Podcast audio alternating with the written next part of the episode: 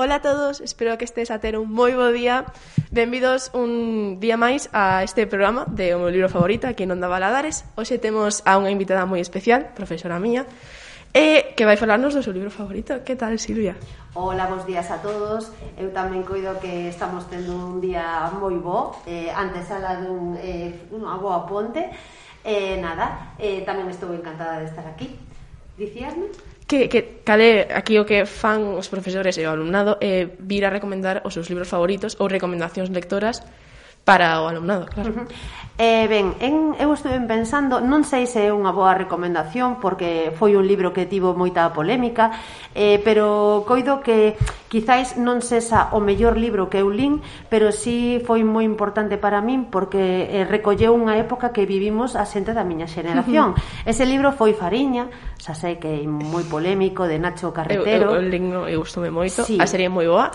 Sí. A miña serie, a miña queixa coa serie, e co libro en sí, é como se está basada en Galicia nos 80 non debería estar en galego Si, sí, de, eh, eu coido que debería estar en galego sí, sí. Eh, porque eh, que eh, eu eh, o mellor eh, non o fixeron así para que pudera chegar a un público maior. Sí, pero poderías polo con subtítulos ou como sí. como se fixo coa serie a, coa película das Morgan, que sí. traduciso ao castelán poderías sí, coido que sería unha moi boa idea, sí, sí, porque é sí. unha pena eh, que, que perdamos esa esencia porque todo eh, foi a, a historia de galego eh, coido que sí, que hubiera sido unha boa idea. Sí, a verdade que moi bo libro, moi bo libro eh, a serie está moi ben. A min eu son moi fan do actor principal, eh, Xavier Rey, é eh, moi bo. A min eh, checame moito o movimento que comenzaron aquelas nais. Sí. Eu vivino porque Ti, ti nai, sí, eu tiña a vosa edade cando pasou isto, eh, eu o vivín en primeira persoa uh -huh. e cando lin o libro, agora que soy nai, eh, dicen, bueno, pois pues, eh, este foi un, un dos, dos movimentos que comenzaron as mulleres uh -huh. eh, coido que, que batallaron, pero ben duro,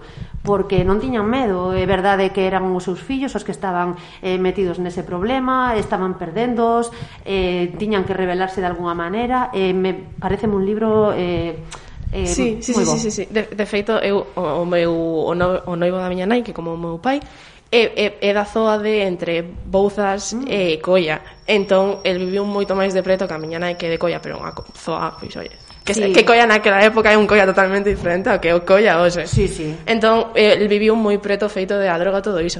E sí que é verdade que a serie ves moito feito de... Home, es que esta xente de cativa estuvo moi nese mundo, non? Agora, sí que habendo droga? Sí, moita. Pero non é nada como era antes. No, eh, eu, que, eu coido que casi todo o mundo no. tivemos algún amigo que falle, faleceu ou que estivo moi mal sí, sí, sí. eh, vivímolo moi preto sí, sí, aparte xuntouse esa, a esa época coa movida viguesa que foi tamén coitado entón, sí, sí, unha, unha movida, eh? Sí. Moi bo libro, moi ¿eh? bo libro. Link non hai xa varios anos, é eh? moi bo libro.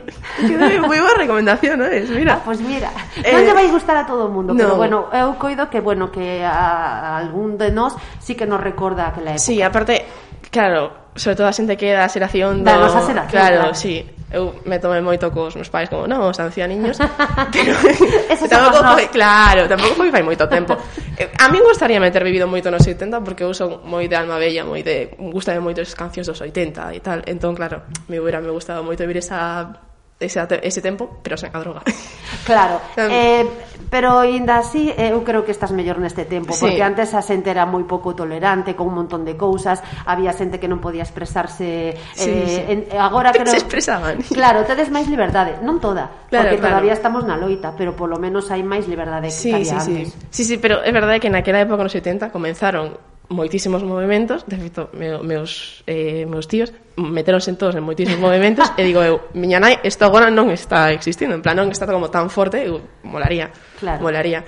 Eh, bo, ti estudaches económicas, ¿Sí? pero és profesora de 20 asignaturas, do que caiga, do que, caiga, con que teña un pouco similar, do que caiga. Sí. Eh, contanos un pouco como é estudiar económicas. Bueno, eh, ben, para ser, eh, se sou sincera, eu non quería estudiar económicas, eh, a miña vocación era veterinaria. Eh, que pasou? Que eu tiña a vosa idade, entón había moitas distraccións, non estudiaba nin me esforzaba todo o que podía, entón cheguei a, a, a que antes era a selectividade, que agora, uh -huh. agora é a vosa abau, e non acadei a nota necesaria. Entón tiven que buscar un plan B, e dixen, bueno, pois hai moita saída en, en económicas, eh, as matemáticas matemáticas non se me dan mal, e bueno, vou probar.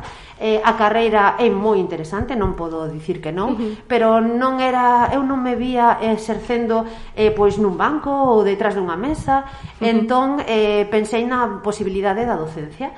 E nada, aí comecei, comecei nun instituto de FP privado dando ciclos de administración e finanzas e xestión administrativa, e moi ben. E logo como cheguei ás matemáticas? Pois porque os meus alumnos decidiron que eu explicaba ben as partes que incluían matemáticas e pediron que eu impartira esas materias, empezaron a poñerme no horario mate, eh, horas de matemáticas e terminei cando foi fun opositar, terminei optando por opositar por mate. Sí, pero é unha, unha dúbida coa oposición, porque a oposición ten moitas cousas, sabemos que os profesores que están aquí opositan, pero non sabemos como é iso de opositar. Opositar ti se faz unha carrera económicas. Ti só podes opositar para a economía ou podes opositar para mates? No, ti podes opositar para eh, a especialidade que queiras.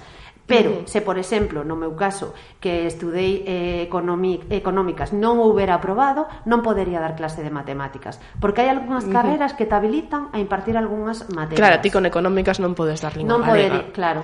Claro, claro. Pero, claro, que lo Claro, o ano pasado tivemos a varios profesores que daban asignaturas diferentes e creo que nos pasou un pouco a todos. Por isto de COVID, eh, tolerías así. Mm. Pero sí que é verdade que eran todas como da rama, do tronco. Claro. Menos os de tecnoloxía, que sempre eso de caer plástica.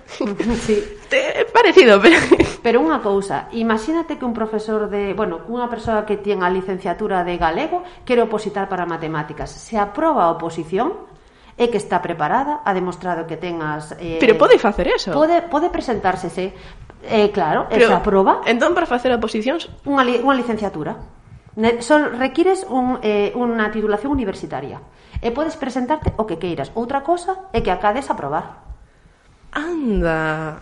Claro. Anda, anda, anda. Entón, claro, si... Ah, vale, vale, vale. Cuida, non hai portas cuida. cerradas, porque se ti demostras eh, que, que podes aprobar esa proba, eh, pois pues estás demostrando que tes, que tes eh, a, a formación necesaria. Sí, sí, pero podes tener ter unha licenciatura en, o que sei, en traducción e interpretación e postularte a dar... A física. Tiña, nai. Sí, Ostras. Sí. Eh, ti, se non aprobas a posición de física, pois pues vas, vou por matemáticas. Claro, Probando claro, cada vez unha diferente. Tens un montón de posibilidades, entón, ti, claro. ti cando fixeches a posición, fixeches xa para matemáticas. Sí, eu opositei xa nun primer momento para matemáticas. Tiven a mala boa sorte de aprobar sen praza, E quedei, claro, e fitei porque superei a, a proba e polo tanto puiden ser profesora de matemáticas pero sen plaza fisa. Que a oposición moita xente se cree que é unha broma, pero non é unha broma, é non é unha broma, é moi duro, é moi duro. E tes que ter moita sorte, tes que saber moito tema, controlar moito, tamén tes que ter a sorte de que, pois, a mellor para esas plazas haya moi pouca xente, por exemplo, non é o mesmo a xente que oposita para a historia, que son moitas, que a xente que oposita para a lingua galega. Sí. Isto é unha realidade. Sí. Entón, claro, tes que ter E logo ter vocación, por favor, non vos presentes a posición sen ter vocación. Exactamente, hai que pensar que vas a ter que dedicarte a isto, eh, sobre todo na docencia vas a ter que estar con rapaces, eh, moitas veces pensas nas facilidades que te dá ese posto de traballo, e eh, non. Eh, isto é unha carreira de fondo. Sí, sí, porque aparte, claro, tens que traballar moito con rapaces, pero aparte pode tocarte un, de, un curso de primeiro da ESO e un de segundo de bacharelato. Claro. Entón podes tener pois pues, unha clase, oes, moi ben, e outra que é unha tolería. Claro, e Tens que eh, adaptarte. Sí, sí, sí. Pero a posición é, ti fas un examen, logo fas En unha verdad, programación. Fas varios. Fas varios, sí. vale. Eh, hai unha primeira proba no que tú fas un examen práctico e outro teórico, E logo, se o superas, pasas a unha segunda fase onde tes que facer unha programación que é pois como un proxecto no que dis donde en que instituto, un instituto eh, calqueira, eh, pode ser inventado, en donde vais a impartir clase, das as súas características de alumnado, o contorno, uh -huh. as familias, e logo e defendes unha materia. Esa é a, o proxecto e logo de esa materia tes que preparar 15 unidades e tócache por sorteo defender unha.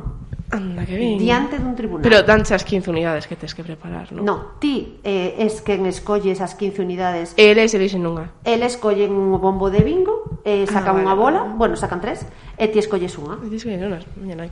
Eh, eh, o, fa o factor sorte corre moito... Sí, eh... non, xa, xa, xa, xa, xa. Eso, eh, miña, meus pais son profesores e a miña nai correr moito que tiña tocou o tema que tiña medio preparado. Claro, é que é verdade que preparar unha oposición supón un sacrificio moi grande, moitas horas, uh -huh. que a veces é moi difícil compaxinar col traballo, coa familia, tal, e, e logo pode pasar que chegues e non teñas sorte. Xa, bo, se nos acaba o tempo, unha tristura, se queres outro día, e se queren os nosos oyentes, ves, solo para falar da oposición, para a xente que lle interesa, eh, para todos os que nos estén a escoitar, que espero que teñades un moi bo día.